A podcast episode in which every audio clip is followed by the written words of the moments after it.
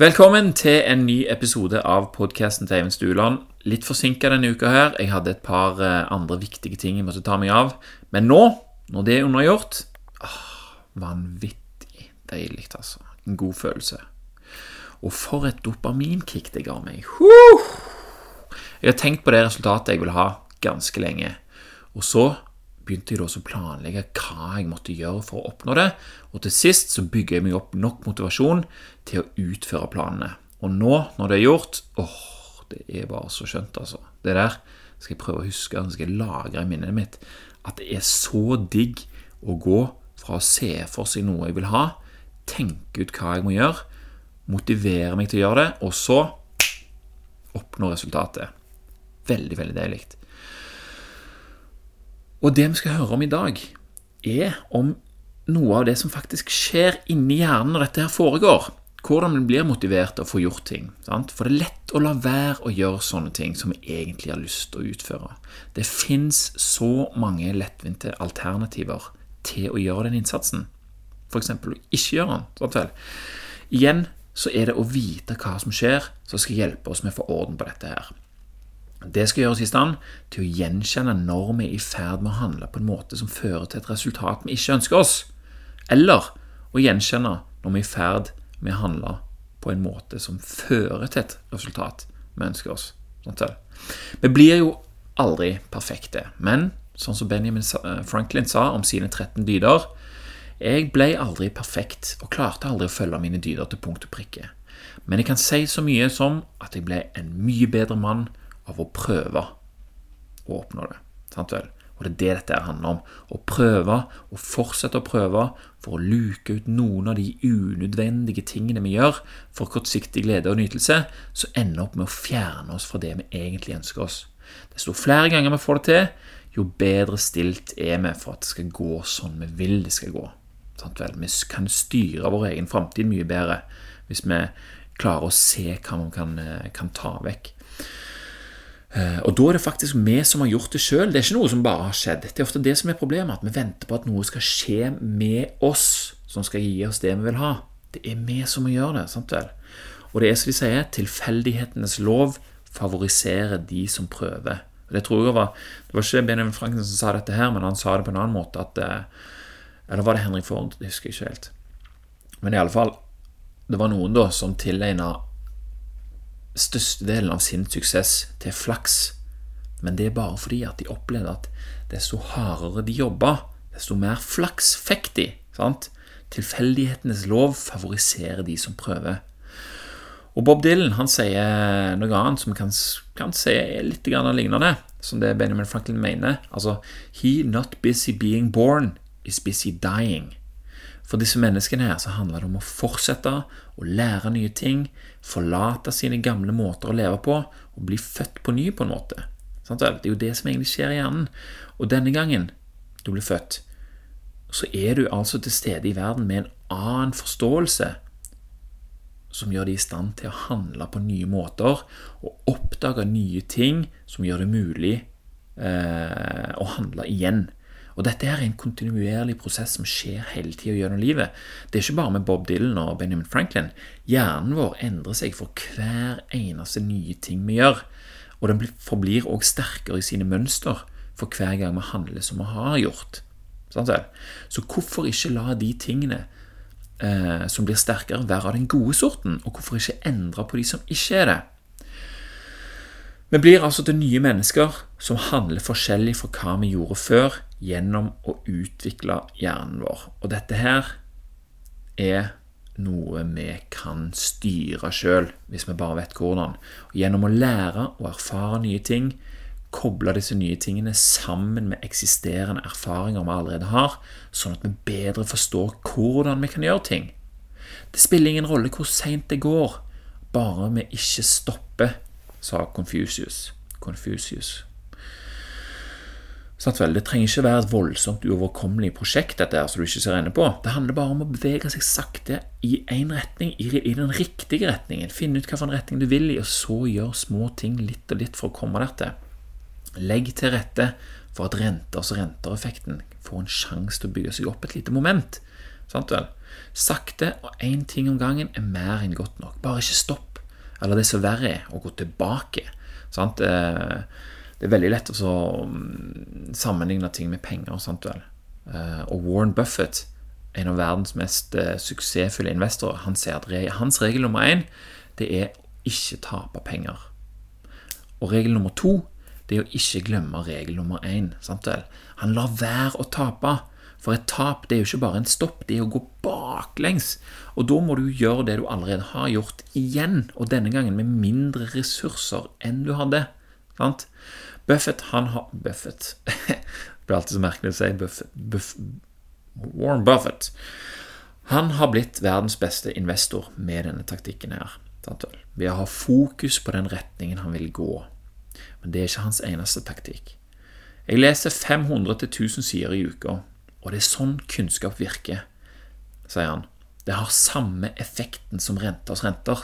Dere kan alle gjøre det, men jeg garanterer at det ikke er mange av dere som kommer til å gjøre det. Er du med? Det var det han sa når folk, eh, når folk spurte hva som var hans, en av hans viktigste taktikker for å bli så suksessfull. Alle, jeg leser 500-1000 sider i uka. Alle kan gjøre det men jeg garanterer at det ikke er mange som kommer til å gjøre det. Og sånn er det ofte. Det er de som er villige til å gjøre jobben, som får det til. Alle vet jo hva de kan gjøre, men det er ikke alle som gjør det. Det er enkelt å vite hva vi skal gjøre, men det er det å gjøre det som er vanskelig. Eller å få seg sjøl til å gjøre det. Sant? Vil du fremover, samme hva du vil fremover med, så kommer du langt med å luke ut små, unødvendige handlinger som senker, stopper eller setter framgangen din tilbake. Å øke din kunnskap fører til at du enklere kan se hva som hindrer, eller kommer til å hindre framgangen din som du ønsker. Og da blir det lettere å handle sånn at det ikke skjer. Små handlinger blir til store resultater over tid. Plutselig så opplever du at du begynner å få flaks. Og Noen ganger kan det jo selvfølgelig vært verdt å ta, et tap. Sant? Jeg mener ikke det at eh, vi ikke skal unne oss ting. Men å unne seg noe er jo spesielt nyttig om du bruker det som en belønning. Da er det et tap som du har kalkulert inn, og det er du som har kontrollen. Du kan se det som et utbytte for et fremskritt.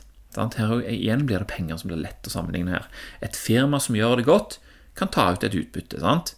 Investere noe i vekst videre, firmaet, og så ta ut litt utbytte det de investerer i veksten videre, vil jo gjøre de i stand til å ta et utbytte òg neste år, mest sannsynlig. Eller det er det som er ambisjonen, iallfall. Og sånn kan jo du òg tenke om deg sjøl. Et firma som går dårlig, kan jo ikke ta ut utbytte. Hvorfor går det dårlig? Kanskje i fjor investerte de ikke penger inn i vekst. Men de som allikevel tar ut utbytte, da, svekker sin egen mulighet for vekst uten at det er grunnlag for det. Det er jo de som aldri kommer videre. Sant? Da svekker du òg din egen mulighet for framgang, hvis du da belønner deg for mye uten at det er grunnlag for det. Ta ut et fornuftig utbytte i forhold til veksten du har oppnådd.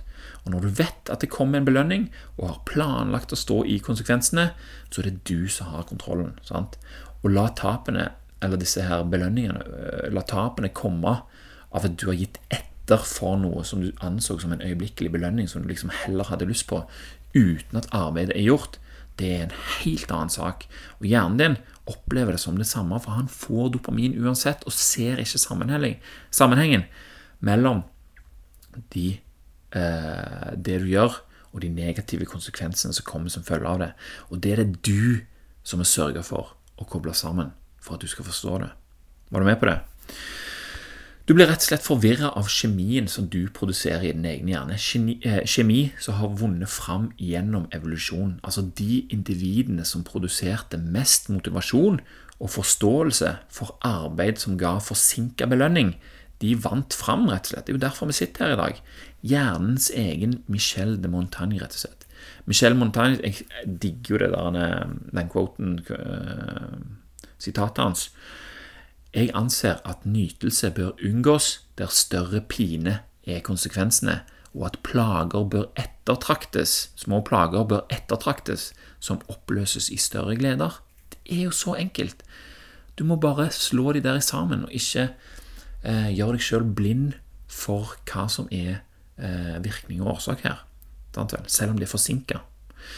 For hvordan din hjerne virker, er jo veldig komplekst. Så å prøve å forklare alt dette her på en episode, det er nok ikke mulig.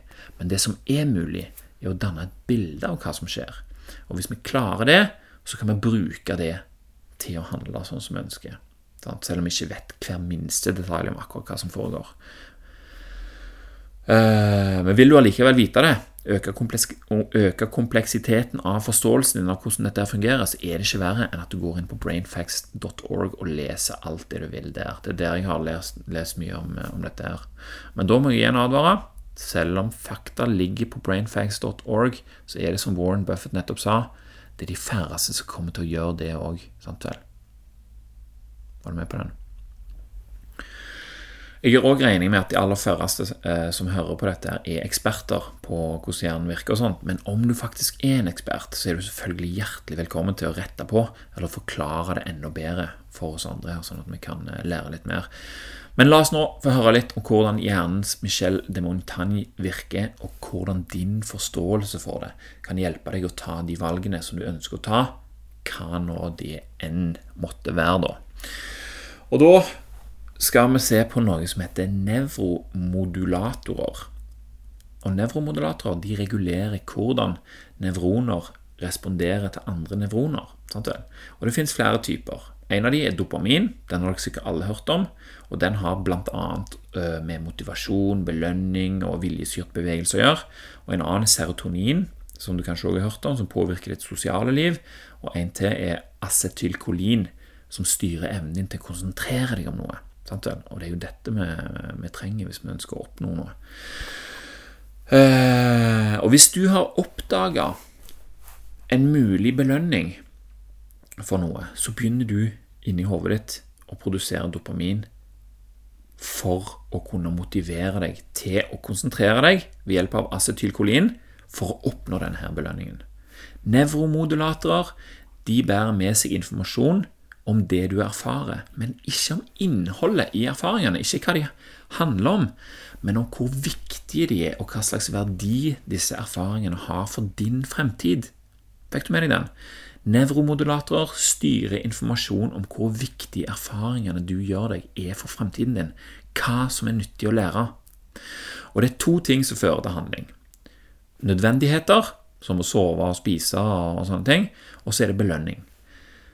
Eh, for ved å søke ut belønning så kan jo vi liksom oppnå å komme videre og, og uh, kunne videreføre genene våre. Det er liksom veldig enkelt eh, å se på det sånn, men det, det er jo nyttig å lage disse her bildene. Nevroner i hjernens belønningssystem kommuniserer ved hjelp av dopamin. dopamin Hvis vi oppdager en potensiell belønning, så vil noen dopaminproduserende nevroner i belønningssystemet, så det er VTA, det lille området der, eh, begynner å produsere dopamin, og så sender de dopamin til andres deler av, av hjernen som, som, en eh, slags beskjed da, at 'her er det motivasjon, sett i gang', liksom. Og så begynner de andre områdene òg. Uh, ok, ok, kanskje vi skal ha noe asylt... Eh, asyl, hva var det het igjen? Asylt, asylkolin? Ja, samme det. Sånn, eh, as, acetylkolin. Kanskje vi begynner å trenge å, konsentrere deg om dette her for å oppnå det. sant vel? Eh, så de kommuniserer ved hjelp av eh, dopamin. Og Hvis vi oppdager en potensiell belønning, så vil altså disse eh, dopaminproduserende nevronene i belønningssystemet, som består av nevroner i forskjellige områder i hjernen, aktiveres og motiverer oss til å handle for å oppnå denne her tingen som vi har sett at vi kan få en belønning for. Dopamin forsterker samtidig belønningsrelaterte minner som du har eh, minner om ting som du har gjort før som ga en lignende type belønning, og styrker synapsene i da hjernens lære- og minnesenter, hippocampus. Sånn at eh, du setter denne nye tingen her i forbindelse med ting som du har opplevd før, for å kunne lage enda mer motivasjon i form av dopamin. Sant? Og amygdala, der følelser blir prosessert, og prefrontal cortex, som de kaller det, som involverer planlegging og fornuft, de lager altså emosjonelle assosiasjoner i forbindelse med belønning. Eh, som du da ser for deg at du kan få ved å utføre dette her eh, som, eh, som, du har oppdaga. For å si det litt enklere du oppdager noe du kan få en belønning for, du anser det som verdt å forfølge, og du ser for deg hva du må gjøre for å oppnå belønningen, samtidig som følelsene dine og minnene dine om hvordan en belønning føles, bidrar til å overbevise deg om å gjøre noe for å oppnå den. Sant? Og når alt dette er på plass, så er det lett å handle. Da er du motivert. Er du med? Det er det som lager motivasjon, at du skjønner hva du skal gjøre, og vil ha den belønningen der. Og Da produserer du dopamin. Uh, og det som produserer um, Altså, det er overraskende belønninger. Overraskende det er, det er, litt vanskelig å bruke det ordet, egentlig, men jeg håper du forstår hva jeg mener etter hvert. Det er overraskende belønninger som gir økt dopaminproduksjon. Sant vel? Men hvis vi gjør noe som, uh, som vi får en belønning som vi forventer oss, så er dopaminproduksjonen stabil. Hvis belønningen blir mindre enn hva vi forventer oss, så blir vi skuffa, og produksjonen går ned. Og det er den overraskende belønningen Nå må du følge litt med, for dette er litt sånn komplisert.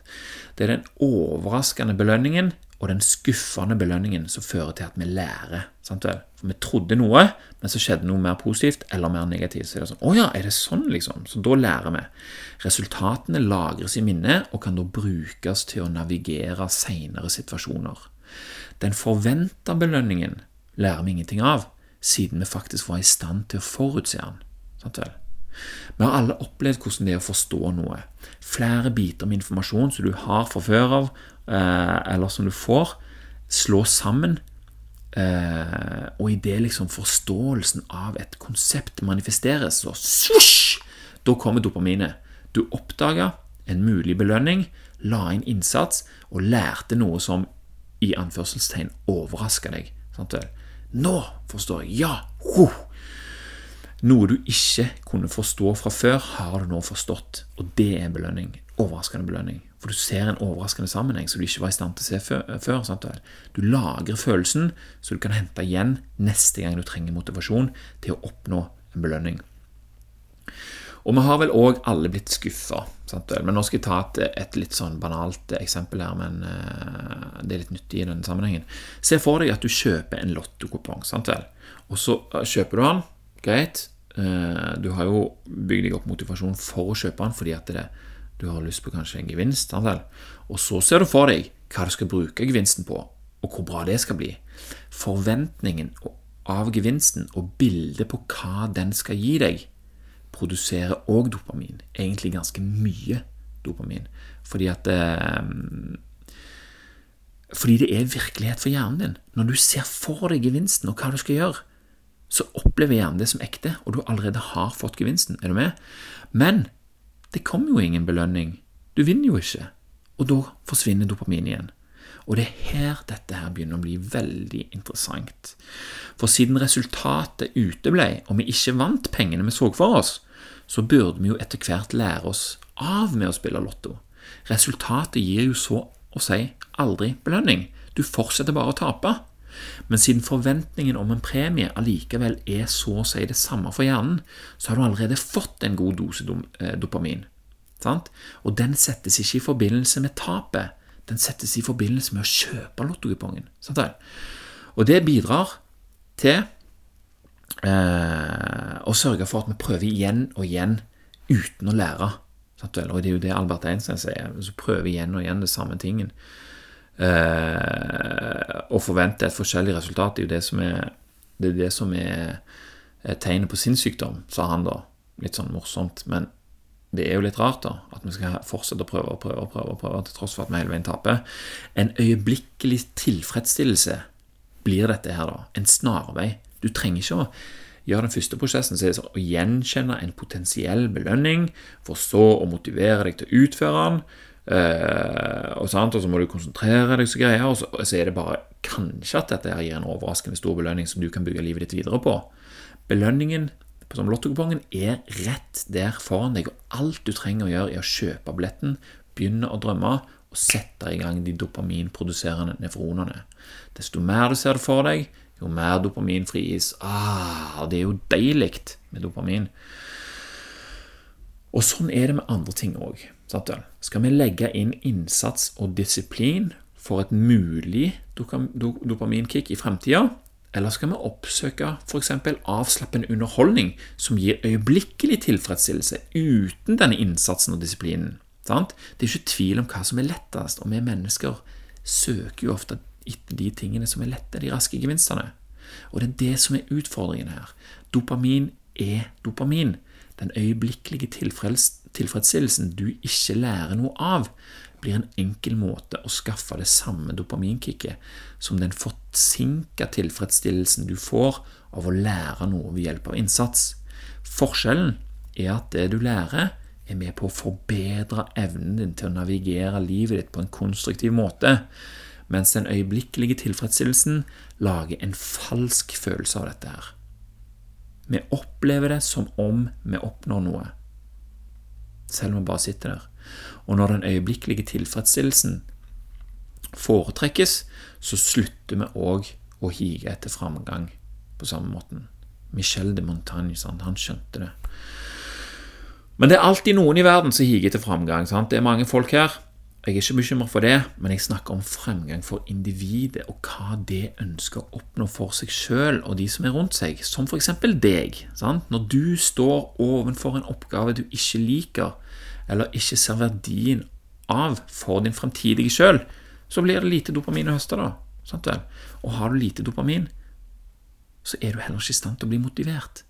Oppgaven opplever du som kjedelig, og du lager ikke nok dopamin til å motivere deg til å jage denne her fremtidige belønningen. Og noe av grunnen er at du vet at det fins alternativer til den samme belønningen, dopamin, som ikke krever den samme innsatsen. Du vil heller, eller det er lettere å ha litt dopamin nå enn å vente til du er ferdig med oppgaven for å fortjene den.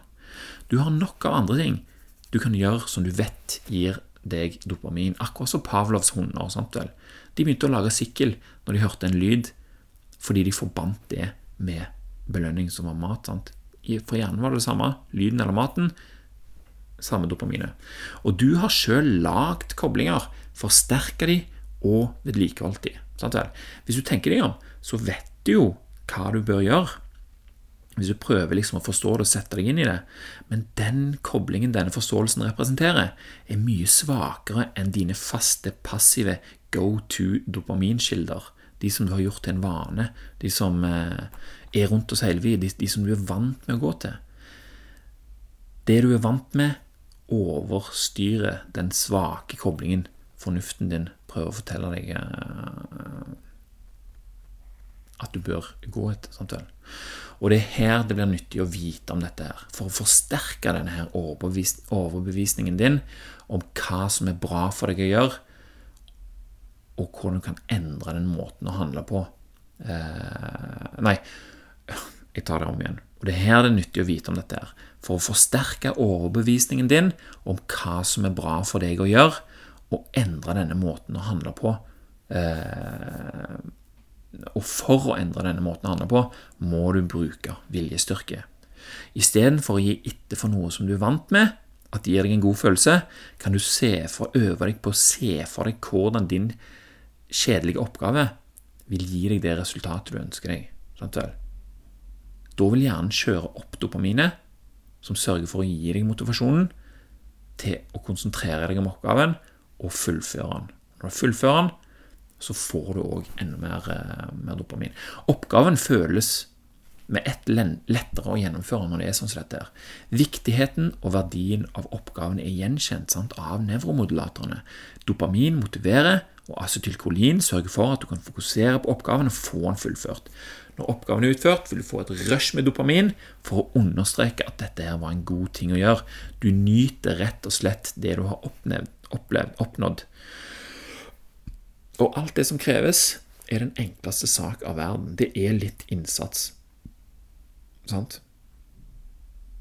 Men for å klare å legge inn den innsatsen, så må du bruke det du vet om hvordan dette her funker. Det er så enkelt. Du vet det jo. Allikevel er det så vanskelig å følge opp.